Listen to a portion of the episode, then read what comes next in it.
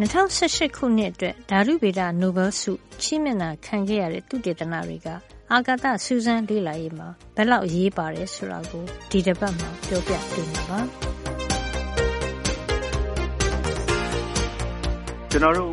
လူသတ္တဝါတွေအားလုံးရဲ့ဇီဝအသက်ရှင်မှုအတွက်မရှိမဖြစ်တဲ့ပရိုတင်းဓာတ်ကိုပဲတို့နွားတို့အသားကနေရယူရပါတယ်တိရစ္ဆာန်တွေကြတဲ့အခါကျတော့အပင်ကနေပရိုတင်းဓာတ်ရဖို့အတွက်လုပ်ရတယ် အဲ့ဒီရဖို့အတွက်မြောက်များစွာစားပြီးမှအပင်ကပရိုတင်းဓာတ်ကိုကစော်ဓာတ်ထုတ်ပြီးမှပရိုတင်းအဖြစ်ပြောင်းရပါတယ်ပရိုတင်းဓာတ်ကိုမြက်ကပဲဖြစ်ဖြစ်နွားနို့အသားပဲရပဲဖြစ်ဖြစ်ထုတ်ယူပြီးတဲ့အခါမှသာလေလူတွေရဲ့စွမ်းအင်ကအဲ့ဒီကနေရတယ်အသက်ရှင်နိုင်ပါတယ်ဒါအသိအရေးကြီးပါတယ်လာမယ့်နှစ်20လောက်အတွင်းမှာအမေရိကန်နိုင်ငံ NASA နေပြီးတော့အင်္ဂါဂျိုးပေါ်လူတွေတွားရောက်ဖို့အကောင့်ထဲပေါ်မှာပေါ့နော် အဲ့တော့စက်ရုပ်တွေမဟုတ်ဘဲနဲ့ပရိုတင်းဓာတ်ပေါ်မှာမှီပြီးတော့မှအသက်ရှင်ရတဲ့လူတွေကိုကိုယ်တိုင်သွားကြမှာဖြစ်တဲ့အတွက်သွားမဲ့ခရီးက6လခွဲအပြန်က6လခွဲနောက်အင်္ဂါဂျိုပေါ်မှာတစ်နှစ်ခွဲလောက်နေရမယ်ဆိုလို့ရှိရင်၄နှစ်လောက်အကြာသွားတဲ့ခရီးစဉ်ဖြစ်တဲ့အတွက်လိုက်ပါတဲ့ခရီးတွေအတွက်လိုအပ်တာကတော့နည်းနည်းစားမယ်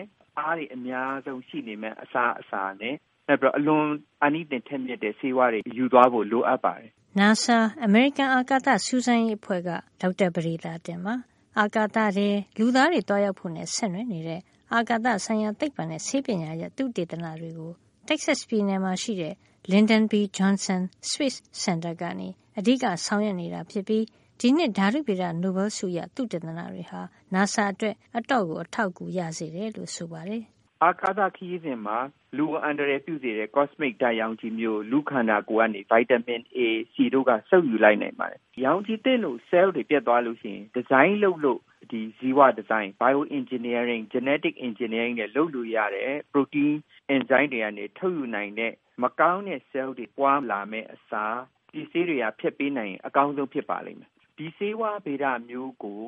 လေ့လာတဲ့ဟာကို space medicine လို့ခေါ်ပါတယ်အာကာသဆေးပညာပေါ့နော် ဆေးဖော်ထုတ်မှုလို့လည်းခေါ်ပါတယ် space medicine generation ပေါ့နော်နောက်တစ်ခုကပါလဲဆိုမိုင်းတန်းပေါင်းမြောက်များစွာဝေးတဲ့နေရာကနေပြီးတော့အဝေးကနေဆေးကုသနည်းကိုလည်းဒီ telemedicine ကိုလည်း NASA မှာစမ်းသပ်နေပါတယ်ဥပမာအားဖြင့် cytochrome P450 လို့ခေါ်တဲ့တဆေးဓာတ်ပေါ့နော် protein enzyme ရဲ့အာနိသင်ထက်မြက်မှုကိုခန္ဓာကိုယ်တန်ဆွမ်းအားရှိဖို့ပိုပြီးတော့ထက်မြက်ဖို့အတွက်အထောက်အကူဖြစ်တဲ့ enzyme မျိုးတံကိုထုတ်ယူဖို့သိအရေးကြီးပါတယ်။ ဒါနဲ့ပတ်သက်တဲ့စေတုတေနမျိုးကို NASA Johnson Space Flight Center ဒေသနာဌာနမှာအထူးစူးစမ်းနေကြပါတယ်။ဒီစူးစမ်းနေတဲ့ဟာကိုအရန်ကိုအထောက်အကူပြုမဲ့ဤပညာနဲ့ပတ်သက်ပြီးတော့ Nobel ဆုပေးတယ်လို့ပြောလို့ရပါတယ်။2018အတွက်ဓာတုဗေဒ Nobel ဆုရသူ၃ဦးထဲကဆုတဝက်ကိုအမေရိကန်နိုင်ငံကယ်လီဖိုးနီးယားစက်မှုတက္ကသိုလ်ကဓာတုအင်ဂျင်နီယာပါမောက္ခ Francis H. Arnold ကရခဲ့တာပါ။သူ့ရဲ့သုတေသနကအာကာသ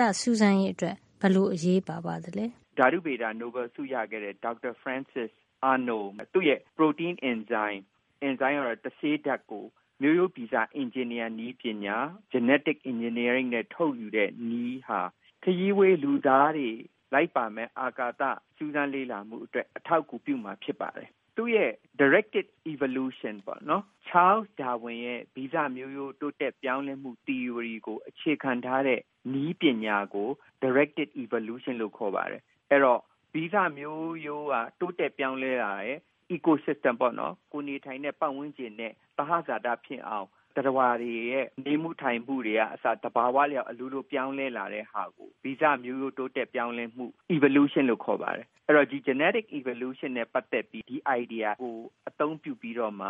လူကိုယ်တိုင်ဝင်ပြီးတော့ဗီဇမျိုးရိုးတိုးတက်ပြောင်းလဲအောင်လုပ်တဲ့နည်းပညာကိုခေါ်ပါတယ်။သဘာဝနည်းနဲ့ဓာတုတက်တုံ့ပြန်မှုတွေမြန်ဆန်လာအောင်အင်ဆိုင်တက်ဖြစ်ပေါ်မှုကိုထိန်းချုပ်နိုင်တဲ့နည်းလမ်းကိုရှာတွေ့ခဲ့တဲ့ပမောက္ခအာနိုးနဲ့အတူဓာတုဗေဒနိုဘယ်ဆုကိုပူးတွဲရခဲ့သူကနှစ်ဦးပါ။အမေရိကန်နိုင်ငံမစ်ဇူရီတက္ကသိုလ်ဇီဝသိပ္ပံဌာနကဂုဏ်ထူးဆောင်ပါမောက္ခ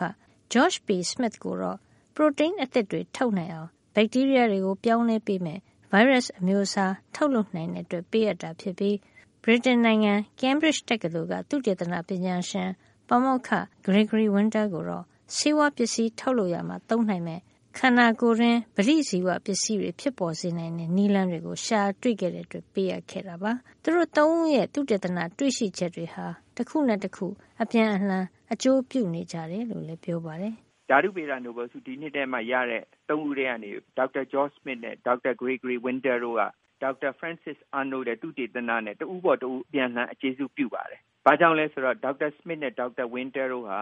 virus ပိုးတွေကိုအခြေခံပြီးတော့မိမိလိုချင်တဲ့ protein အမျိုးအစားဒါမှမဟုတ်လို့ရှိရင် protein enzyme ကစေးဓာတ် protein အမျိုးအစားကိုဗီဇမျိုးရိုး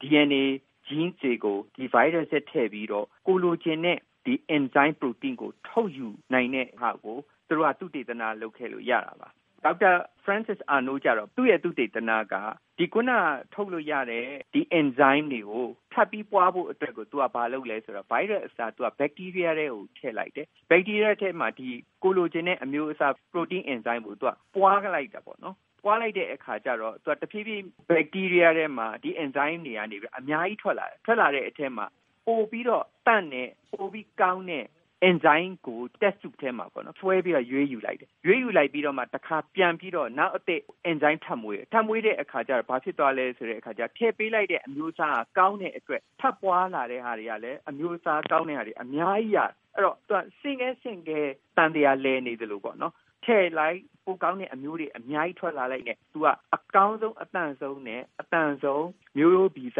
ထွက်လို့ရတဲ့ enzyme ကိုသူကယူလိုက်တာပေါ့နော်ဒီဟာနဲ့ပတ်သက်တဲ့သူတေသနာအခုမှရလို့အခုပေးတာမဟုတ်ပါဘူး1980လောက်ကလေးကစပြီးတော့သူတို့စူးစမ်းခဲ့တာပါအဓိကပါလဲဆိုလို့ရှိရင် genetic mutation ဆိုတဲ့နည်းပညာနဲ့စဘာအသိဉာဏ်တွေအထွက်တိုးအောင်လို့အတွက်များတဲ့နွားရအောင်ဖန်တီးတဲ့အာဒီ theory အခြေခံထားတဲ့နည်းပညာဒီ direct evolution ကို test tube ပေါ့နော်ဟန်ပြွန်ထဲမှာဗီဇမျိုးကိုပြောင်းပြီးကောင်းအောင်လုပ်ရတဲ့နည်းပညာနဲ့ပတ်သက်လို့ဓာတုဗေဒနိုဘယ်ဆုကိုဒီနှစ်ချီးမြှင့်တာပါ ဒီနီးပညာနဲ့သူတေသနလှုပ်ဆောင်မှုတွေကနေလူတွေအတွက်ဘယ်လိုအကျိုးဖြစ်စေတယ်ဆိုတာကိုနောက်တစ်ပတ်မှာဆက်ပြီးပြောပြပေးဖို့ရှိတယ်ဆိုတာတင်ပြရင်းဒီသတင်းပတ်အတွက်သိပ္ပံနဲ့ဤပညာကဏ္ဍကိုဒီမှာပဲရန်နာလိုက်ပါရစေနောက်တစ်ပတ်မှာပြန်ပြီးဆုံကြအောင်